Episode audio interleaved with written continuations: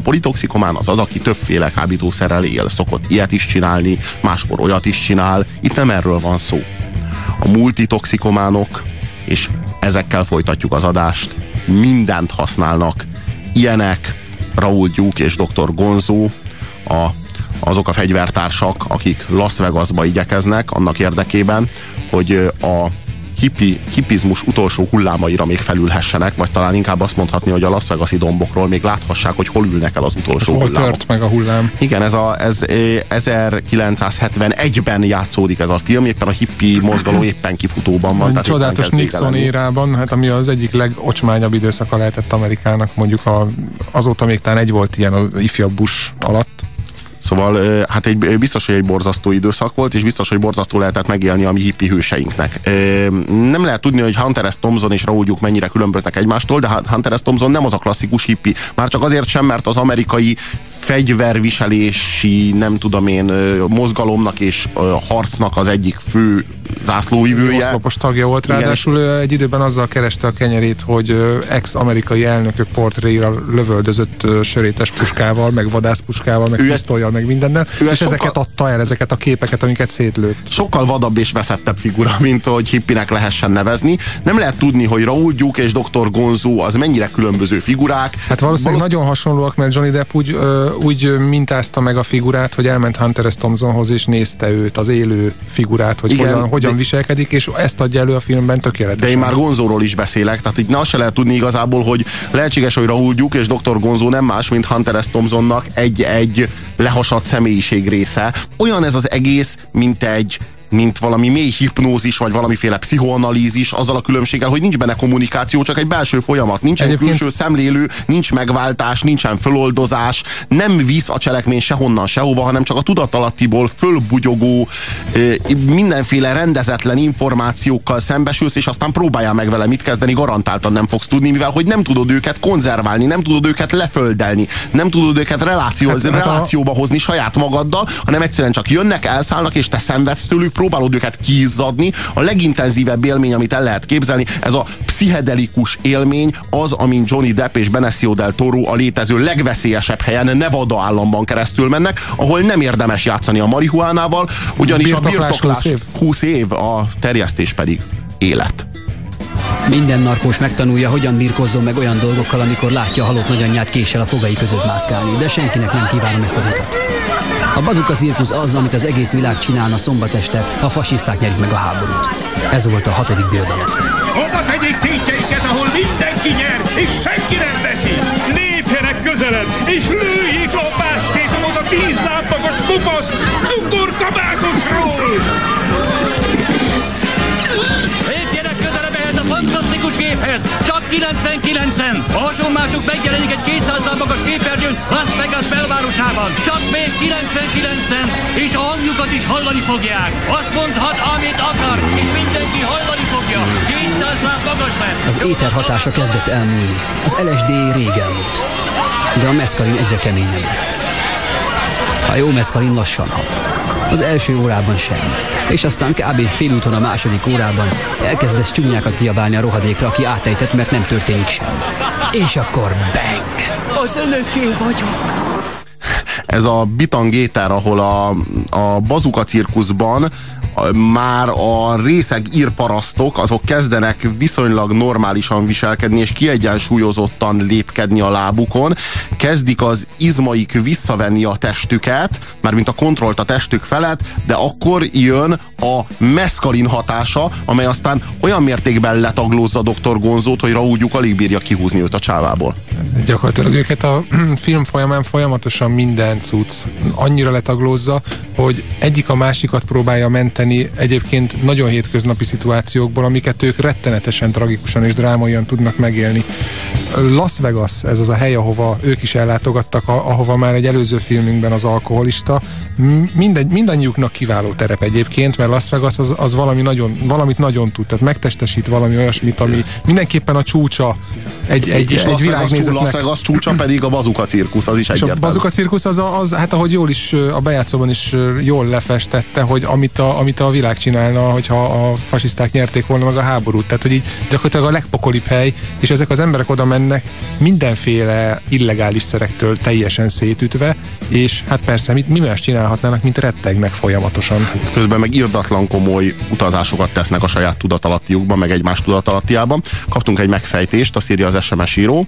Hunter megírta pontosan, hogy ki Dr. Gonzó, valós személy, mexikói ügyvéd, azt írta róla, hogy félelmetes személyiség. Hát itt ő Samoyéd konkrétan. Egyébként én is ö, erre vissza akartam térni, hogy biztos vagyok benne, hogy két külön figuráról van szó, hogy nem azonos Gonzó és, és Raúl Gyuk, mert más arhetipus. Tehát a két, két figura nagyon-nagyon különbözik egymástól, és megtestesítik azt a klasszikus felállást, amikor egymást hergelik bele egyre súlyosabb szituációkba. Egyrészt egymást hergelik bele, másrészt viszont egyszerre soha sincsenek halálosan készen mindketten, hanem mindig valamelyik egy kicsit jól van, hogy ki tudja a másikat rángatni a csávából. Tehát valahogy sosem hagyják el egymást, bár magukat mindig. Ez Raúl Duke és Dr. Gonzo, Johnny Depp és Benicio del Toro frenetikus Mind a alakításában. ketten Oscar kellett volna, hogy kapjanak, ha az Oscar bármit is érne. Igen, igen, igen. Itt egy aranypálma jelölés jött össze összesen Cannes-ban, de hát Terry Gilliam azt sem kapta meg. Mert egyébként ez volt az a film, amiről én láttam kimenni a moziban embereket. Tehát azért egy viszonylag kevés szervetítenek olyan filmet moziban, amire a gyanútlan néző úgy ül be, hogy aztán így fél óra után kimegy. Szerintem egy ilyen filmnek nem nagyon lehet túl sok díjat osztani, mert tényleg bizonyos emberek számára nézhetetlen. Mm, Igen, de szerintem ez a, ez a film, ez soha, hogy mondjam, a társadalom soha nem fogja utolérni ennek a filmnek a sebességét, vagy ennek a filmnek az ütemét, vagy a ritmusát, vagy a világát, vagy a, az, el, az elragadtatottságát mindattól, ami ebben a világban zajlik. Már a 70-es évek elején, amikor a regény megszületett, konkrétan ugye Hunter S. Thompson regénye, aki nem olyan régen lett öngyilkos, úgyhogy csúnya vége lett, és ez nem tölt el minket túl sok optimizmussal ez, ennek a ennek a super junkie életmódnak a kapcsán. Hát egyébként nem biztos, hogy öngyilkos lett, tehát azt mondják, hogy lehet, hogy baleset volt. De már közelebb volt a 90-hez, mint a 80-hoz. ahol sok-sok töltött vadászpuska van, ott előbb-utóbb eh, előfordulhat baleset. Egy drámában mindig, és úgy tűnik, hogy az ő élet eléggé drámai volt, még hogyha itt egy vígjátékról van szó, vagy egy filmdrámáról van szó, vagy miről Én nem nevezném végjátéknak, mert egyébként ugye tanakodtunk korábban arról, hogy ezt esetleg betegyük egy majdan végjátékokról szóló adásba ezt a filmet, de azért alapvetően nem oda illik szerintem. Hanem akkor mi ez? Mi ez a film azon kívül, hogy Drog Road Movie? Az. Szóval már a 70-es években fölvetődött, hogy ezt a filmet meg kéne, ezt a regényt meg kéne filmesíteni, és Milos Forman és Jack Nicholson össze is dugták a fejüket. Ugye Milos Forman lett volna értelmszerűen a film rendezője, Jack Nicholson pedig maga Raúl Duke lett volna. Hát ez egy tökéletes filmet volna, Az az egy- ugyanúgy, ahogy ez. Az egy tökéletes film lett volna, és nem sikerült megfilmesíteni, mert nem sikerült megtalálni hozzá a megfelelő produceringet, és nem sikerült megtalálni hozzá a megfelelő tőkét. Úgy tűnik, hogy akkor még Nixon idején nem volt túl nagy a De a, egyébként- a kezdeményező készség az iránt, hogy egy ilyen, egy ilyen drogkultusz filmet azt leforgassanak Hollywoodban. De egyébként forgattak ebből a regényből korábban egy filmet Bill Murray Igen, ö, igen, főszereplésével. a bölényekről. Igen, Vagyis, nem tudom, ahol a bölények- bölények futnak, vagy járnak, ilyesmi. vagy bőgnek, vagy mit csinálnak. Hát lényegesen rossz a Hát film. de egy nagyon pocsék filmről van szó, De de, abban is van Bill Murray Raúl nem rossz, Van Duke és. Dr. Gonzó, szeretjük Bill Murray, de a film maga rossz. Nagyon tehát, rossz. Igen, igen, tehát hogy így ezután a film után, ami egy parádé, tehát hogy konkrétan a félelem és reszketés laszegazban azoknak mondjuk, akik még nem látták, az valóban egy parádé, tehát amellett, hogy mélységesen ö, ijesztő, riasztó, félelmetes, sokkoló, amellett parádésan szórakoztató, mm, gyakorlatilag minden, minden jelenete Az a- az a klasszikus, annyit lehet belőle idézni, amennyit a, a, szint talán egyetlen filmből sem. Na, Hát, de van még. Hát ezt a hatalmas- Az indul a bakterház. No, de a lényeg az, hogy ebben a filmben, tehát aki nem próbált bizonyos drogokat, az így annak számára, ha megtekinti, akkor így pontosan tudni fogja, de tényleg tökéletes tisztasággal írja le, hogy ez az LSD, és az ilyen, ez a, ez a meszkalin, és az ilyen, ez a nem tudom mi, és így szépen sorba megy végig a, a drogokon, és tökéletesen olyan, olyan, olyan tisztasággal jeleníti meg ezeknek a hatását, hogy, a, hogy az ember szinte ott érzi magát abban az állapotban, ahol ott csak egy filmet néz. A Film és Reszketés Las Vegasban című filmről van szó.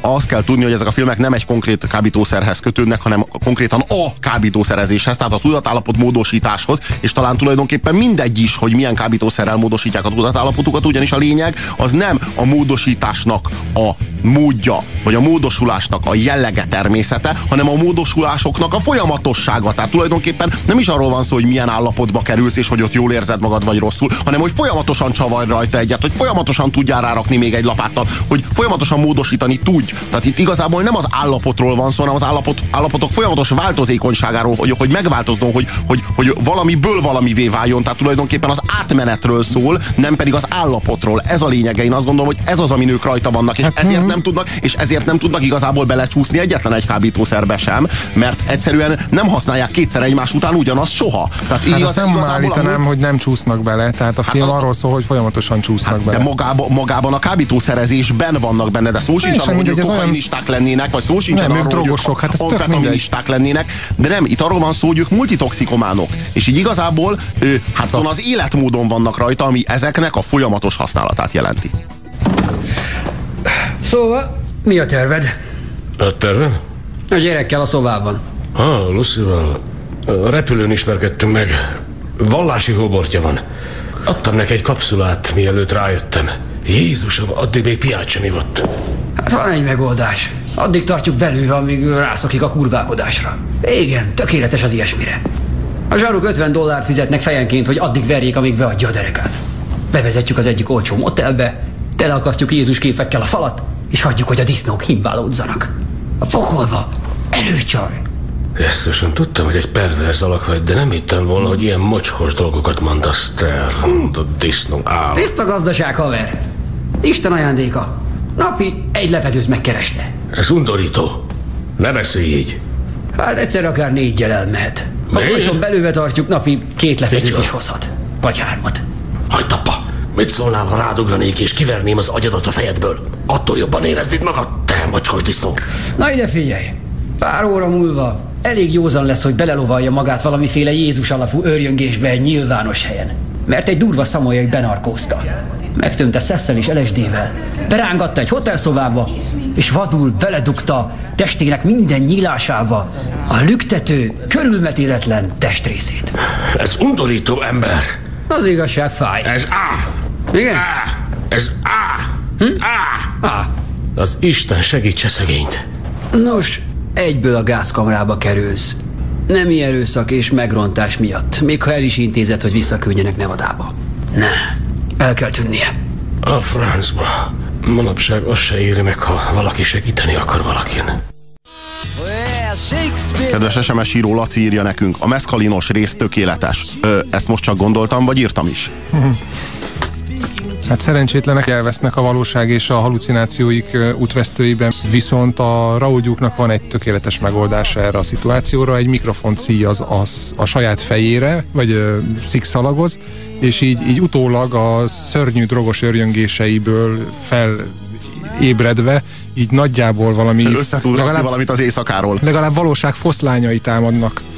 Egyébként még ami, ami nagyon-nagyon ritka tiszta pillanatok, amik a filmben vannak, azok többnyire valamiféle számvetéssel vagy összegzéssel szoktak ilyen monológ formájában végződni, amik szerintem egyébként jók. Van, aki azt mondja, hogy nagyon szájbarágos, de szerintem azok kifejezetten jók, amikor valamiféle rendszerkritikát fogalmaz meg, ül az ablak előtt, és akkor beszél arról a hullámról, ami megtört valahol ott a, a hegyeken. Hát meg nosztalgiázik a, a, a hippi mozgalomra.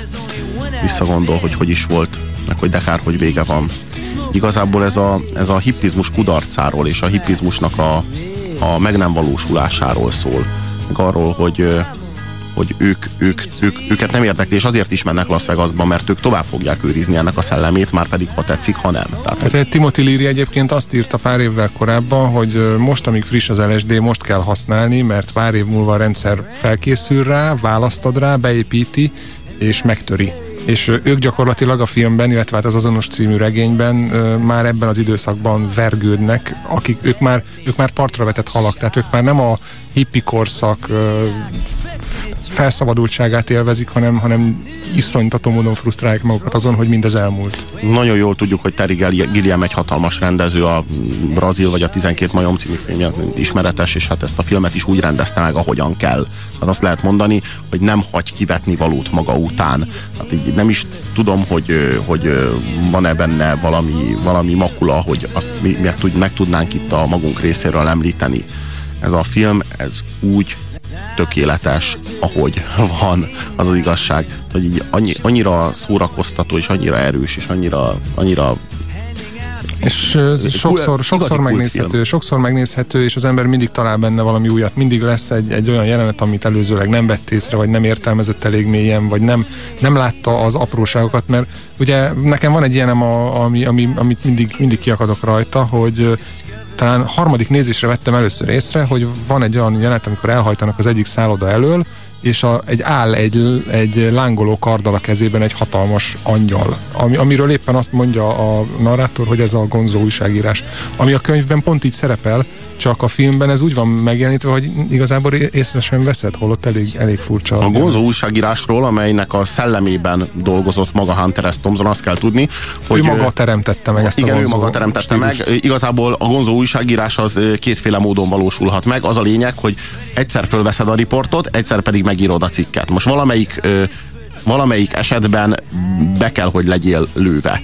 Vagy akkor kell, hogy legyél belőve, amikor fölveszed a riportot, de akkor tisztán kell megírnod a cikket, vagy akkor kell, hogy be, legyél belőve, amikor megírod, a, amikor, amikor fölveszed a riportot, vagy amikor megírod a cikket. Szóval a másik esetben, de akkor viszont. Tehát az a lényeg, hogy mindkétszer nem lehetsz tiszta, mert akkor az hagyományos újságírás, de mindkétszer nem is lehetsz belőve, hiszen akkor, akkor nem készül az meg, Igen, az nem újságírás, hanem az egy egyszerű drogozás. Igen, igen. Tehát, hogy ez a gonzó újságírás, ehhez tartsátok magatokat, hogyha gonzó újságíró kívántok lenni.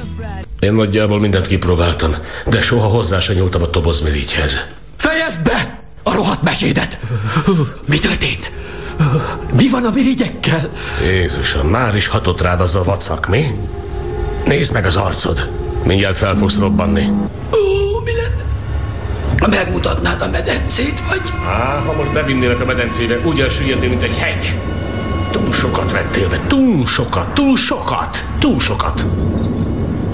Oh. Ne akarj harcolni ellene. Agybuborékod lesz. Butaütést kapsz. Artéria daganatot. Elájulsz, aztán meghalsz. Csodálatos, ahogy paráztatják egymást, ez egyszerűen hibátlan. Itt egyszerűen arról van szó, hogy lemegyünk a tudatalattiba és kipucoljuk. Nem válogatunk a dolgok közül, hanem amit találunk, azt dobáljuk föl, hányjuk föl, okádjuk ki magunkból. Csak az baj, hogy kézigránáttal takarítanak. Hát hanyas, hanyas nálad ez a film? Nálam ez a film egy nagyon erős kilences. Nálam meg egy tízes.